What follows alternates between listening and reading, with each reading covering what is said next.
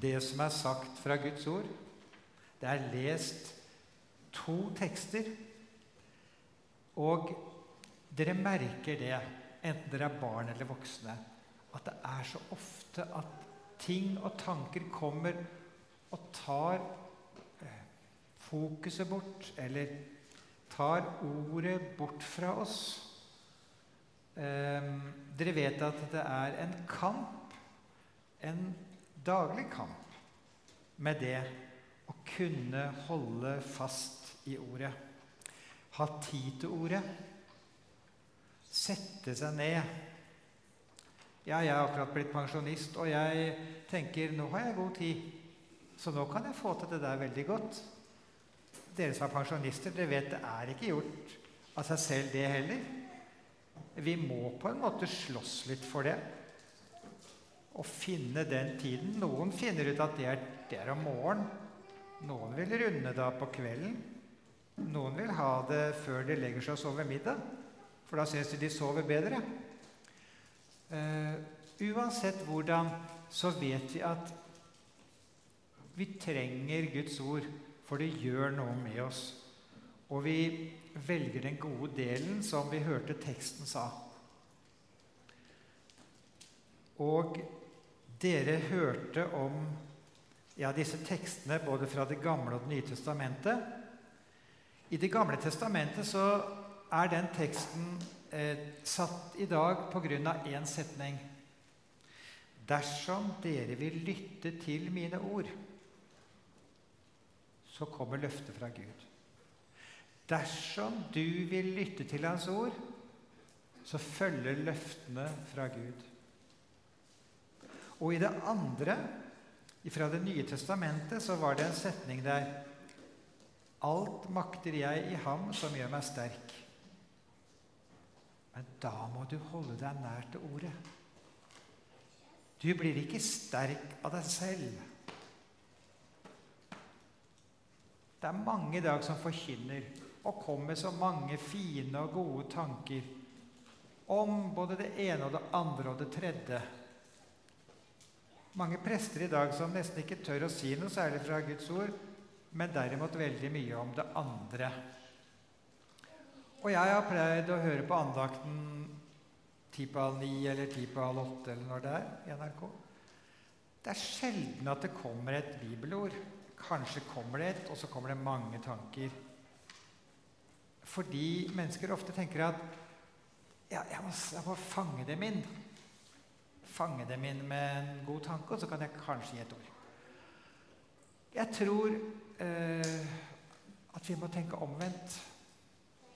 At jo mer vi gir av Guds ord, jo mer muligheter har Guds ord til å slå rot. Jeg stoler mye mer på Guds ord enn på mine egne tanker. Jeg kan jo ha noen gode tanker innimellom, jeg òg. Jeg, har vel opplevd det en annen gang. Eh, men de er aldri så gode som det Gud har sagt. Så når jeg taler, så taler jeg mye om Guds ord. Og så taler jeg litt lite om mine tanker og planer og følelser. Og, og Derfor så skal vi løfte fram Bibelen. Og jeg må lese for dere det ordet som har hjulpet meg mange ganger det står jo her. Jeg har fått hjelp av mennesker, jeg har fått hjelp av noen av dere. Jeg, Randi har vært til god hjelp for meg i livet. Det.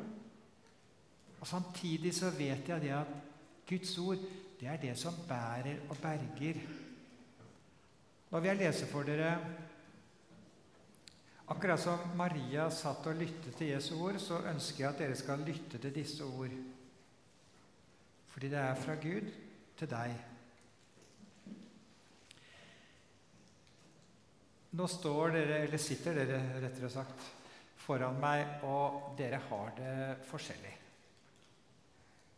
Og noen av dere vil dette treffe godt, og andre vil det kanskje ikke treffe så godt.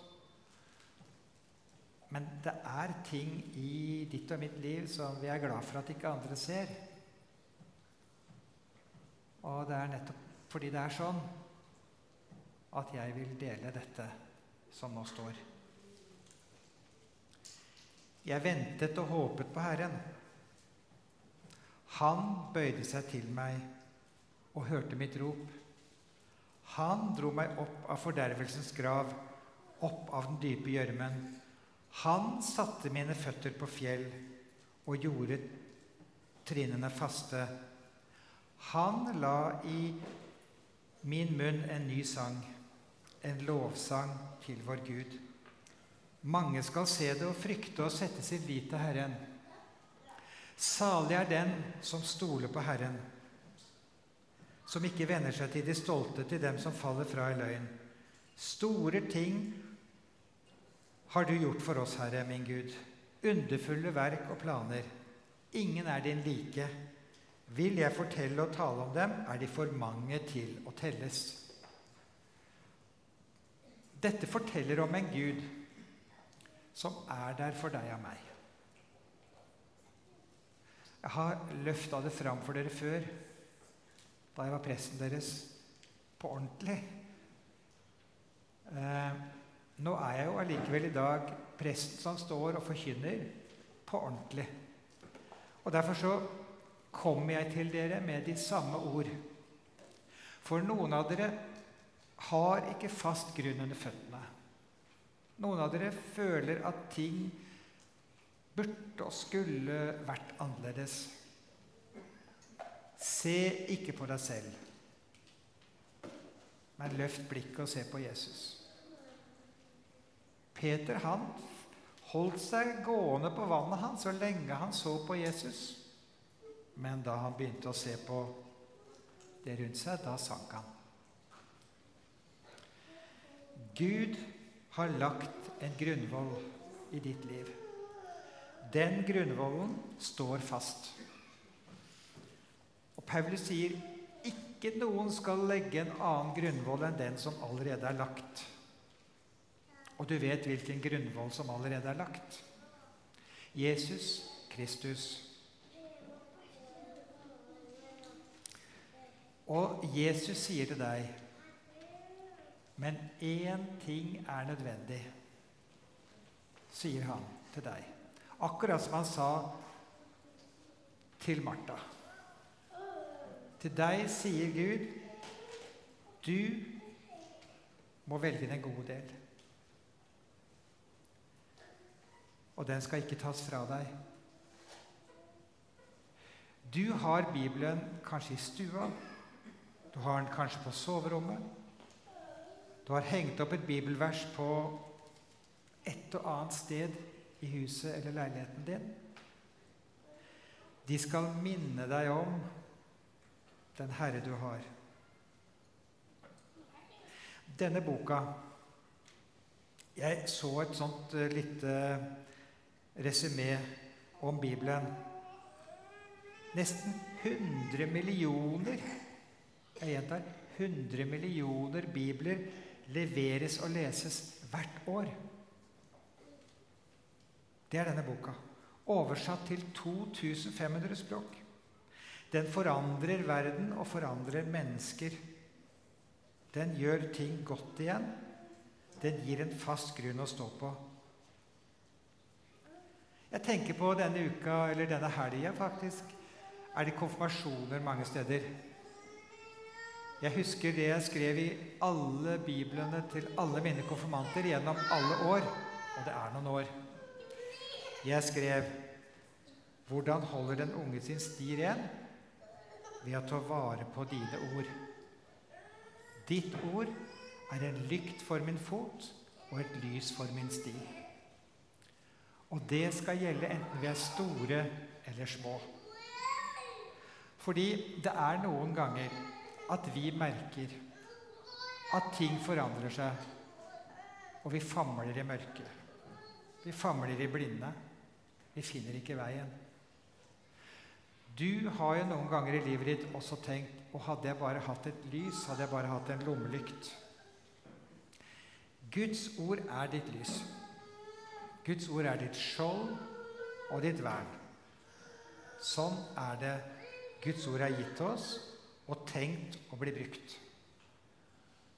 Og vi trenger alle å stoppe opp Og jeg skjønner jo at folk som er lærere og starter opp et nytt skoleår, sånn som noen av dere gjør og er Dere får det kjempetravelt i en periode. Men akkurat da eh, er det nesten eh, ja, mer viktig enn noen gang at vi midt i vår travelhet har tid til å stoppe opp. For jeg tror nemlig at Guds ord gir oss gir oss det vi trenger for å leve. Det er ganske ufremkommelig i verden i dag for mange. Det er mange som strever, og vi lurer på hvorfor gjør de det. Jo, jeg tror det er fordi at veldig mye av det som er Guds ord, er tatt bort fra folket vårt. Det har jo vært en bevegelse gjennom mange år. Og nå snakker vi om For første gang hørte jeg ordet 'Det skal bli forbudt å forkynne', f.eks. For i skolen. Det skal bli forbudt. Det er noe annet enn å si 'det burde vi ikke gjøre'. Vi får se hvordan det går med det. Men vi er inne i en valgkamp, og det er flere som snakker om at det er så trist at Guds ord enda blir delt ut blant folk. Sånn er det blitt. Eh, jeg tror at vi skal be for folk og land. Og vi skal takke for at vi har en, både en kirke, men mest av alt en skole hvor det er naturlig og faktisk helt, helt naturlig å dele Guds ord. For det gjør noe med oss. Det setter oss fri. Det er ikke bare pandemien som gjør at folk har det tungt, men jeg tror at når pandemien kommer, så slås vi ut på en helt spesiell måte. Og mange av oss trodde at når pandemien kom, og vanskelighetene kom, vil ikke folk da begynne å søke Gud? Vil ikke da folk begynne å søke til kilden? Jeg opplever nesten det motsatte. Jeg syns det nesten er blitt enda mer Når vi begynner å lese i avisene, så er det enda mer eh, tydelig den strømmen som går bort fra Gud. Det er trist. Jeg tror det er noe av den hverdagen vi lever i, og det skal ikke gjøre oss triste altså Vi blir jo triste på en måte, men det skal ikke gjøre oss motløse, da. Fordi at vi vet at vi har et Guds ord som vi har sett igjen og igjen eh, skjærer igjennom i enkelte menneskers liv. Eh, jeg er litt eh, tettere på, på rusarbeid nå som pensjonist. Og bør, noen av dere har sikkert Evangeliesenterets eh, 'Ennå er det håp', og der ser du igjen hvordan på en måte Guds ord løses fri. Og mange av dem sier du kan godt drive rusarbeid, men uten Guds ord og uten Jesus og Den hellige ånd, så faller veldig mye av det ned. Det fins en og annen eh, som klarer å bli fri fra rusen også gjennom et arbeid hvor ikke du snakker om Gud og Jesus. Men muligheten for å bli satt fri er ja, så mange, mange ganger større der hvor Herren er nær. Jeg skal hente et ord til dere som er en, eh, en trøst og en oppmuntring. Dette med å bli Guds ord. Altså dette med å ta og gjøre som Maria, sette seg ned og lytte. For i Johannes 8, der sier Jesus det veldig tydelig. Han sier, 'Hvis dere blir i mitt ord, er dere virkelig mine disipler.' Da skal dere kjenne sannheten, og sannheten skal gjøre dere fri. Og Så begynner de å si ja, vi er Abrahams barn, vi har aldri vært noen treller av noe. Jesus han sier bare For Sønnen frigjort dere. Da blir dere virkelig fri. Og jeg vil si til dere jeg vet ikke når jeg kommer til å stå foran dere igjen. Jeg vet ikke noe om livet videre. Det vet ikke du heller så mye om. Men jeg må si det til deg her du er nå. Hvis du blir i Herrens ord, da er du virkelig Jesu disippel. Da skal du lære å kjenne sannheten, og sannheten skal gjøre deg fri. For når Jesus får frigjort deg og meg, da blir vi virkelig fri. Så jeg har ikke noe nytt sted å føre deg. Jeg har ikke en hemmelig vei, men jeg har den åpne og kjente veien gjennom Bibelen inn til Kilden. Dette er løftet fra Gud. Dette er et løfte fra Gud til deg og meg. Og det er ikke hvem som helst som har sagt det. Dette sier Jesus, han som Gud sendte til verden. Vi er født av Gud ved sannhetens ord, står det i Jakob. Jakobs brev 1,18. Hør på den setningen. Du og jeg er født av Gud ved sannhetens ord. Det er noe med dette ordet Det er noe med makten i Guds skapende ord. Og jeg blir Nå har jeg holdt på Nå er jeg pensjonist. Men i hele mitt liv så har jeg holdt på å snakke om Gud, i hvert fall etter at jeg begynte å jobbe. Jeg tror ikke jeg har hatt noen jobb hvor jeg ikke har kunnet forkynne fritt. Og det jeg har sagt, er å be mennesker om å søke inn i Ordet. For Bibelen er totalt annerledes enn alt annet som kan leses. I møte med Bibelen skapes trygghet og liv. Og Herrens omsorg og trofasthet ser vi. Og vi ser også Herrens hellighet og vårt behov for å bekjenne vår synd og be om nåde for Jesus skyld alene. Og som jeg sa i stad Nøden og fortvilelsen er stadig økende i Norge nå, fordi Guds ord og bønnen stadig blir fjernere for folket vårt. Og da finner ikke folket veien til Bibelen, til bønnen, til forsoningen og tilgivelsen. Og du og jeg må ut og forkynne de gode nyhetene, så folk igjen må få se hva de eier. Og helt til slutt, før jeg går ned, så ble jeg minnet på å lese for dere Jesajas ord om innbydelsen om nåde.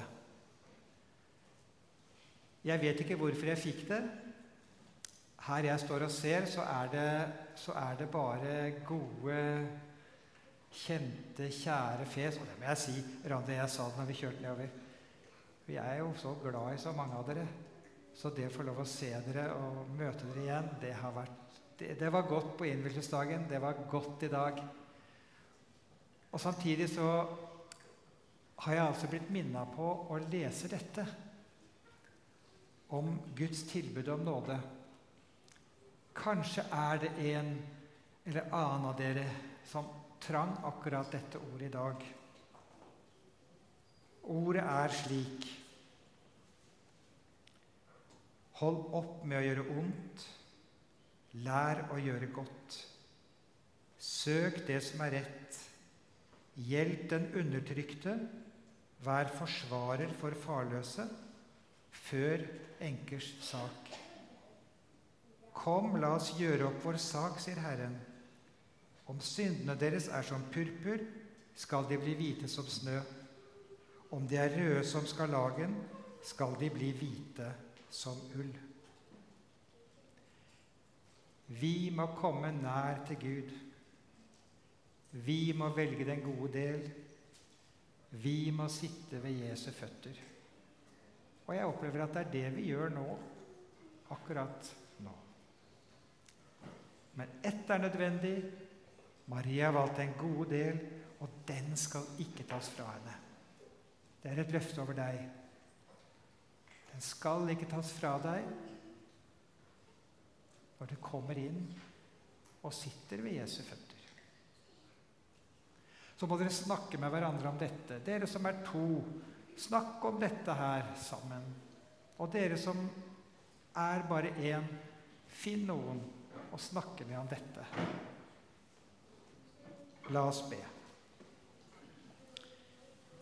Kjære himmelske Far. Du ber oss inn til deg. Du sier til oss at du står og banker. Og når vi åpner døren, så kommer du inn og holder måltid med oss. Takk at ditt ord er mat for vår sjel. Amen.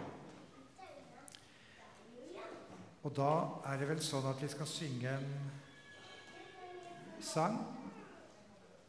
Den kommer opp. Den er ikke tilfeldig valgt.